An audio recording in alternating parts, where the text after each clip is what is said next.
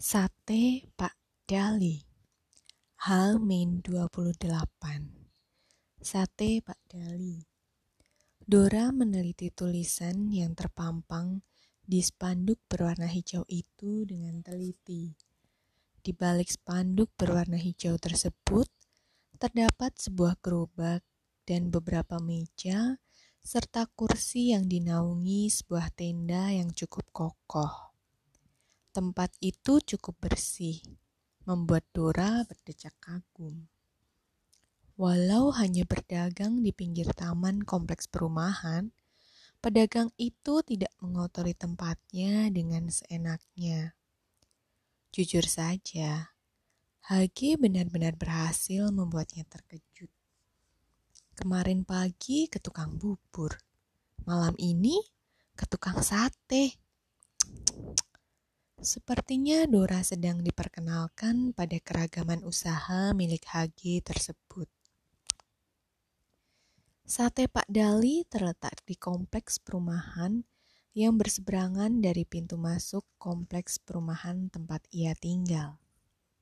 Saat berjalan mendekat, ia bisa melihat banyaknya orang yang duduk di dalam tenda. Entah itu menunggu pesanan untuk dibawa pulang atau melahap satenya dengan semangat.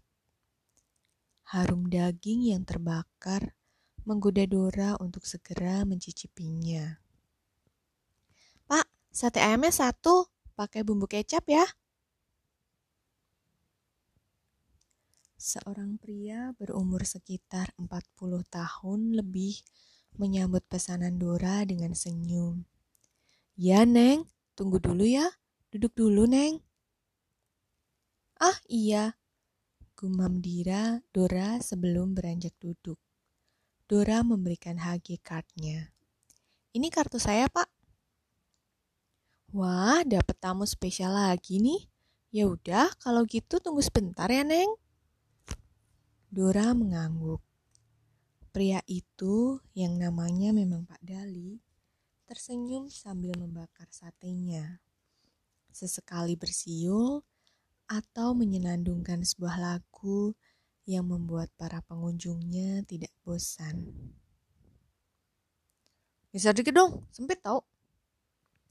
Dengan refleks, Dora menggeser tubuhnya hingga ke ujung kursi kayu panjang yang sejak tadi ia duduki. Dora mendelik kesal pada lelaki yang dengan seradak seruduknya sekarang sedang berusaha duduk di antara Dora dan seorang pengunjung. Memang, di antara Dora dan pengunjung itu ada sedikit celah, tapi tidak muat kalau untuk diduduki orang dewasa. Tapi sepertinya lelaki itu mengabaikan fakta tersebut. Maksa banget sih. Gerutu Dora pelan ketika akhirnya lelaki itu duduk di sebelahnya. Dora hanya bisa pasrah. Rasanya duduk dengan hampir setengah tubuhnya berdempetan dengan lelaki itu bukanlah hal yang membuatnya nyaman. Neng, ini satenya. Mendengar kalimat itu dan mencium aroma sate ayam dengan bumbu kecapnya, langsung membuat wajah cemberutnya berubah menjadi gembira dengan sangat cepat tanpa menghiraukan keadaan sekitar, tanpa peduli dengan lelaki sialan yang seenaknya duduk di sampingnya, tanpa peduli bokongnya yang hanya setengah duduk di kursi itu, Dora langsung melahap satenya dengan ganas. Buk! Au! Dora melirik judes ke arah lelaki di sampingnya. Bisa gak sih diem aja? Saya lagi makan. Sewotnya. Dora menahan nyeri di kakinya yang tadi diinjak oleh sosok di sampingnya. Memangnya dia punya salah apa sama lelaki ini? Siapa lo berhak ngatur-ngatur gue supaya diem? Ini tempat umum kok, not your officially place. Dora cuma bisa menarik nafas mencoba bersabar dengan aksi snob si lelaki yang terlalu aktif. Sabar, jangan ngeladenin orang kayak dia, yang waras ngalah. Cewek itu kembali melanjutkan makan, makin lahap, karena ia tak ingin berlama-lama berada di samping orang sinting ini. Sesekali ia melirik ke samping. Lelaki itu baru kalem saat satinya datang. Selama lelaki itu menunggu pesanan dan Dora mulai makan, kaki lelaki itu seakan-akan hiperaktif, bergoyang terus, dan akhirnya menginjak kaki Dora yang hanya menggunakan sandal entah hal itu disengaja atau tidak, yang pasti tampang cakepnya tidak bisa jadi penebus dosanya. Dora mengerjapkan matanya dan mengunyah dengan pelan. Tunggu, tunggu. Apa yang baru saja ia pikirkan? Orang itu cakep, tampan, ganteng. Astaga, dirinya sudah gila. Tapi sayang, Faktanya memang begitu. Lelaki itu tampan, dan Dora tidak mau jadi orang hipokrit. Walaupun tingkah serta bicaranya tidak setampan wajahnya. Lelaki ini jelas-jelas masuk dalam daftar hitam. Sama parahnya dengan lelaki tukang kritik dan sombong yang kemarin ia temui. Mungkin 11-12. Perbedaannya, mulut lelaki di sampingnya ini benar-benar tidak bisa direm. Lihat saja, sudah berapa kali ia memarahi sate yang ia makan karena bumbu kecapnya terlalu pedas. Ya ampun, benar-benar konyol. Brok. Jalan, hati-hati dong. Dora menarik ucapannya. Sekarang dirinya lah yang benar-benar konyol. Semua pengunjung yang memenuhi tenda langsung menoreh, menoleh ke arahnya. Dora sibuk menepuk dadanya agar daging sate yang tertahan di tenggorokannya dapat meluncur langsung masuk ke dalam perutnya. Ia masih bisa mendengar suara lelaki itu mengumpat pada beberapa orang yang mundur ketakutan karena dimarahi dengan sadis. Kesialan ini bermula dari orang-orang yang duduk di samping lelaki itu serentak berdiri, ingin pergi, dan membuat kursi panjang itu berat sebelah karena hanya tersisa Dora dan lelaki itu. Kursi itu pun membuat Dora yang sedang melamun tercengkang ke bawah dan tersedak satenya. Lelaki di sampingnya pun kaget dan marah besar. Dora masih berusaha agar daging itu tidak menyumbat tenggorokannya. Ia merutuk dalam hatinya, karma does exist. Dan sialnya, karma itu datang sangat cepat setelah ia menjuluki lelaki itu konyol. Seseorang menepuk bahunya lembut beberapa kali dan membuat Dora berhasil bernapas lega. Daging sate itu telah meluncur dengan mulus. Pak Dali menyodorkan segelas air mineral yang langsung tandas olehnya. Pak Dali meminta maaf dan bertekad akan mengganti seluruh kursinya dengan yang lebih aman. Pengunjung yang lain kini sudah kembali ke aktivitas masing-masing. Beberapa orang yang menyebabkannya tercengkang meminta maaf beberapa kali dan langsung pergi begitu ditatap oleh orang yang menepuk bahunya. Ya, laki itu, si temperamental yang sebentar-bentar marah. Thanks. Lo bego atau gimana sih? Masa jatuh gitu aja bikin lo tersedak nyaris mati? benar-benar bodoh. Setelah itu ia pergi, dan Dora hanya ternganga. Ya ampun, padahal ia kira cowok itu berubah jinak begitu menolongnya. Ternyata, apa salah dirinya hingga dipertemukan dengan cowok aneh seperti itu? Dora hanya bisa berharap Semoga mereka tidak harus bertemu lagi. Ma, Pa, bahagia di sana ya? Dora tersenyum sambil menaruh sebuket bunga lili putih di atas makam kedua orang tuanya. Noel mengusap bahu adiknya, lalu merangkulnya berdiri dan berjalan meninggalkan makam orang tua mereka. Saat mereka tiba di pintu pemakaman, Dora menghentikan langkahnya. Ia menoleh ke belakang, tepat ke arah makam mamanya yang berdampingan damai dengan makam papanya. Kak, hmm, impian mama terwujud ya? Noel yang menghentikan langkahnya juga kini menatap kedua makam orang tuanya dengan dahi berkerit. Sebelum ia bertanya, Dora lebih dulu melanjutkan. Satu hari, Mama pernah bilang sama gue, Papa adalah orang yang paling disayangi selain kita. Dan Mama ingin bersama orang yang dicintainya sampai akhir hayatnya. Noel mengangguk mengerti. Kini Mama memang telah bersama orang yang ia cintai sampai akhir hayatnya selamanya.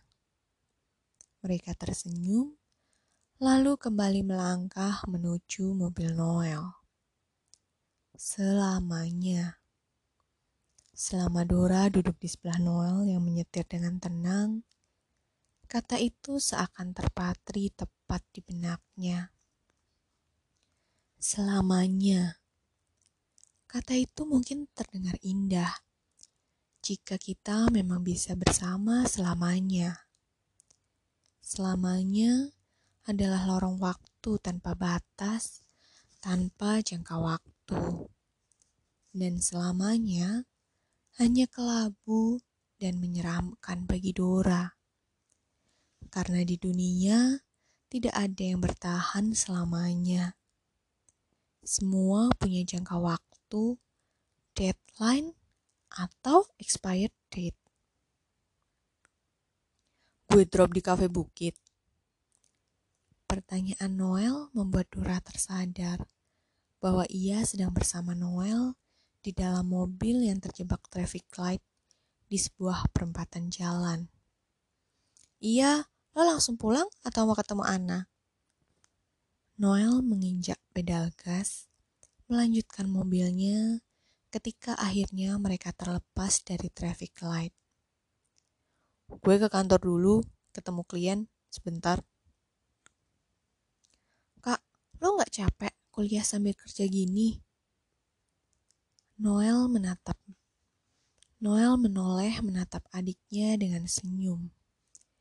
Adiknya ini selalu mengkhawatirkannya sejak ia mengambil alih perusahaan ayahnya. Capek sih, iya. Buru-buru ia lanjutkan kalimatnya. Begitu Dora terlihat ingin menyela. Tapi mungkin memang seharusnya begini. Sebagai anak laki-laki, anak tertua, dan mahasiswa advertising, rasanya nggak salah untuk bekerja lebih cepat. Toh, orang-orang di atas gue, board of direction, banyak yang jadi mentor gue di kantor. Dora akhirnya tersenyum mendengar penjelasan kakaknya. Sejak kakaknya bergabung di perusahaan karena orang tua mereka meninggal, Dora merasa kakaknya jauh lebih dewasa, dapat berperan sebagai kakak dan orang tua sekaligus. Kalau nggak ada lo, mungkin gue nggak sekuat ini. Duh, Jangan melankolis gitu dong, my lovely Dora. Gadis itu tertawa mendengar panggilan dari Noel tersebut. Dalam diam, Noel bersyukur adiknya ini cukup mudah sembuh dari sakit hati. Entah itu sakit hati akan kepergian orang tua mereka maupun kepergian Ronald. Kekasih Dora yang sudah menjadi sahabat bagi Noel. Meskipun Noel tahu Ronald belum lama meninggal, sehingga luka di hati adiknya itu pun masih belum kering. Tapi dengan sikapnya yang sudah lebih baik dari hari-hari kelabunya dulu, setidaknya Noel bersyukur Dora bisa melewati fase depresi tersebut. Eh kak, jangan ngelamun, stop di sini. Noel menepikan mobilnya di sebuah kafe yang didominasi warna coklat dan hijau. Here, princess, nanti gue jemput. Nggak usah. Dora melepas seatbeltnya, lalu menarik handle pintu mobil dan bersiap turun. Biasanya juga naik angkot sama taksi. Gue duluan ya. Yakin? Apa lo nanti dianterin cowok yang waktu itu lagi? Mendengar nada posesif milik Noel, Dora tertawa. Kakaknya memang terlampau overprotektif kalau sudah menyangkut masalah ini. Noel masih keki dengan Felix yang tempo hari mengantarnya pulang. Walaupun Felix terlihat baik dan bersedia menjawab semua pertanyaan interogasi Noel, tentu saja abangnya itu belum bisa diper, belum bisa percaya sepenuhnya. Dora mengecup kedua pipi kakaknya yang memasang wajah galak andalannya. Duh, jangan jealous gini ah. Udah sana ke kantor, daripada kena macet di jalan. Oke, take care. Dan jangan sampai kesel kek atau semacamnya ya. Dengan merengut, Dora membanting pintu mobil Noel. Noel pun hanya tertawa dari balik setir mobilnya. Adiknya itu masih saja kesal dengan kejadian semalam. Setelah menjulurkan lidahnya, Dora berjalan masuk ke dalam kafe yang hampir seluruhnya didominasi dengan kayu. Mengingatkan Dora pada sebuah villa yang terbuat dari kayu seutuhnya dan memancarkan kesan damai serta homey. Dora berjalan menuju satu-satunya meja yang tersisa. Sore seperti ini memang rush hour kafe ini. Mayoritas yang datang adalah remaja seperti dirinya. Ada yang sibuk bergosip, browsing dengan laptopnya, membaca buku, atau sekedar ngedit. Satu detik setelah ia selesai memesan, seorang cowok yang sebaya dengannya menghampirinya sambil membawa beberapa buku. Sorry, gue boleh duduk, numpang duduk di sini? Pandangan Dora terkunci pada cowok itu, membuatnya melamun sejenak, hingga cowok itu salah duga. Sorry, lo pasti gak datang sendiri, dan lagi nunggu orang ya? Eh, enggak kok. Jawab Dora cepat setelah terlempar ke dunia nyata. Entah kenapa, cowok ini terlihat familiar. Gue sendiri, kalau mau duduk, ya silahkan. Cowok itu tersenyum berterima kasih, lalu duduk di hadapan Dora. Buku-buku tebal dengan logo Cafe Bukit yang tertempel di bagian atas jilid bukunya ditaruhnya di atas meja. Itu minjem di library-nya ya? Tanya Dora sambil menunjuk ke arah tumpukan buku tersebut. Iya, kebetulan library cafe ini koleksinya lumayan. Gue sering ke sini untuk numpang baca buku. Jawabnya. Lo belum pernah ke library-nya? Dora menggeleng. Ini saja kunjungan pertamanya. Dan terima kasih untuk Chevy yang wawasannya akan kafe dan tempat hangout yang luas. Dora tidak terlalu terlihat norak karena kafe ini ternyata menyediakan library-nya yang menurut orang-orang pun koleksinya lengkap. Kalau gitu, lo harus ke atas. Library-nya di lantai dua. Cowok itu tersenyum. Nanti gue temenin. Dora hanya mengangguk. Apa tidak apa-apa jika ia mau menerima ajakan orang yang baru duduk di hadapannya kurang dari setengah jam ini. Ia menatap cowok itu penasaran ketika didengarnya ia bergumam. Kita belum kenalan, nama gue Dilan. Sorry ya, kita belum kenalan, tapi gue udah sok kenal. Gue Aldora, just call me Dora. Dora mengamati Dilan yang kini sudah tenggelam di balik novel sci-fi yang dipinjamnya di library sembari menikmati wafelnya. Cowok ini baik dan cenderung tenang. Berbeda dengan dirinya yang ceroboh dan sepanjang ingatannya selama bersama Dylan, ia menjadi bawel seperti saat ia bersama Noel, Anna, atau Chevy. Selama ini, ia memang cenderung diam di depan orang lain, apalagi orang yang baru dikenal. Dan ini sungguh aneh.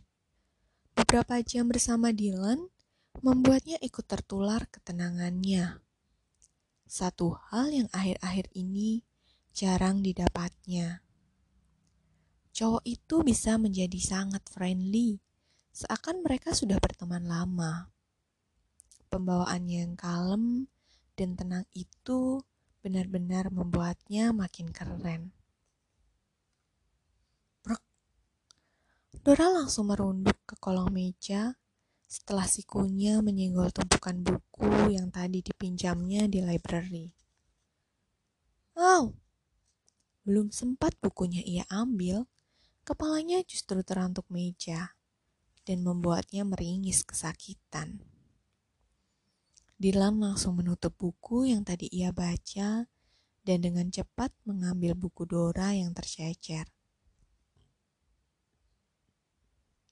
Lo gak apa-apa, luka? Dilan menaruh buku Dora di sisinya dan mengecek kening Dora. Sedikit kegores. Sedikit kegores, tapi untungnya gak berdarah. Ujar Dilan lega. Dora mengusap keningnya. Oh, selalu saja ceroboh gini. Dilan tertawa. Lagi sial aja kali. Diliriknya sekilas, SWAT yang melilit pergelangan tangan kanannya. Udah malam, lo dijemput atau gimana? Mau bareng gue? Please deh. Dora memutar bola matanya. Ini baru jam 7 malam. Gue masih bisa naik angkot kok, gak usah repot-repot. Dengan kondisi kayak gitu. Dora menunjuk ke arah kening Dora. Dilan menunjuk ke arah kening Dora yang tergores dan pastinya nyut-nyutan itu. Gak ada yang salah kok dengan ini. Dora mengambil tasnya dan menaruh tumpukan buku yang ia pinjam di atas meja. Gue pulang duluan ya. Bye. Dora bangkit berdiri sambil memasukkan HG cardnya ke dalam tas. Baru dua langkah dari mejanya, Dora sudah tersandung, nyaris tersungkur kalau tidak ada orang yang meraih tangannya dan membantunya kembali berdiri tegak. Kening tergores karena terbentur meja nggak bikin otak sedikit bergeser kan? Dora melepas tangannya yang tadi diraih oleh Dylan. Cowok itu kini terkekeh di sampingnya. Beberapa pengunjung sempat terkesiap, terpesona oleh tawa Dylan, dan akhirnya melupakan kejadian memalukan yang terjadi pada Dora. Oke, gue bercanda. Ujarnya beberapa saat setelah ia berhasil mengendalikan diri. Mending gue anterin. Gue gak mau lo kesandung kaki lo sendiri atau kepala lo ngebentur angkot. Cewek itu berjalan keluar kafe, diikuti Dilan yang melangkah santai di sampingnya. Dalam hatinya, Dora bersyukur karena orang-orang di dalam kafe setidaknya tidak menertawakannya. Gue emang begini, ceroboh. Jadi kejadian kayak gitu bukan karena kebentur meja. How fun you are. I'm not a clown, by the way. Lo lucu, bukan berarti lo badut. Dylan menggiring Dora ke mobilnya yang terparkir tidak jauh dari pintu kafe dan membukakan pintu mobilnya untuk Dora. You are funny with your own way and your own style. Dora mendesakkan lidahnya, sementara Dylan sudah berada di balik setir mobilnya, dan dirinya sudah duduk manis di mobil Dylan. Chevy pasti akan mengamuk kalau ia mau aja diantar pulang orang asing. Chevy bisa lebih protektif daripada Noel. Dora sendiri sebenarnya tidak tahu apa yang mendorongnya hingga mau diantar oleh Dylan. Entahlah, Dylan mudah sekali memanipulasi dirinya agar mengikuti kemauan Dylan. Semoga saja cowok ini benar-benar cowok baik. Yang tadi itu beneran pujian atau flirting? Mendengar cibiran Dora, Dylan hanya tertawa. Memangnya ia flirting dengan calon tunangannya ini? Dylan tidak yakin akan hal itu. You think?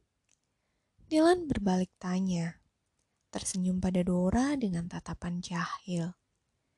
Salah satu ekspresi langka, karena selama ini Dylan hanya bereaksi datar atau sekedar senyum. Dylan tak pernah seekspresif ini, walau pembawaannya yang tenang tetap ada dalam dirinya. Dora benar-benar, entahlah, Dylan tidak bisa menemukan kata yang tepat. I think you are insane. Dan lebih gilanya lagi, gue mau aja kenalan sama lo. Cowok itu tertawa lagi Ah, ia tahu. Ia merasa nyaman bersama Dora. Dylan pun akhirnya menggelengkan kepalanya samar. Ini semua karena duduk di meja yang sama dengan gadis ini. Dianterin sama siapa? Dora mengelus dadanya kaget. Astaga, kakak bikin kaget aja sih. Namun, Noel masih bergeming di posisinya berdiri menghalangi jalan masuk. Dianterin sama siapa? Ulangnya. Dora menelan ludahnya dengan susah payah. Ia kira kakaknya masih di kantor. Ternyata sudah di rumah dan siap 24 jam di pintu rumah sepertinya. Sama Dilan, kebetulan tadi kenalan di kafe. Ya ampun Dora, Kan gue udah sering bilang, jangan gampang percaya sama orang yang baru dikenal. Bahaya. Lo harus lebih waspada, Dora. Tapi dia baik, Kak. Dora menerobos masuk melalui celah di samping Noel dan berhasil masuk. Buktinya, aku sampai di rumah dengan selamat kan, Kak? Jangan curigaan gitu ah. Nggak curigaan. Waktu itu juga lo dianterin cowok yang baru dikenal. Dan gue gak kenal sebelumnya. Gue tuh cuma khawatir, Kak.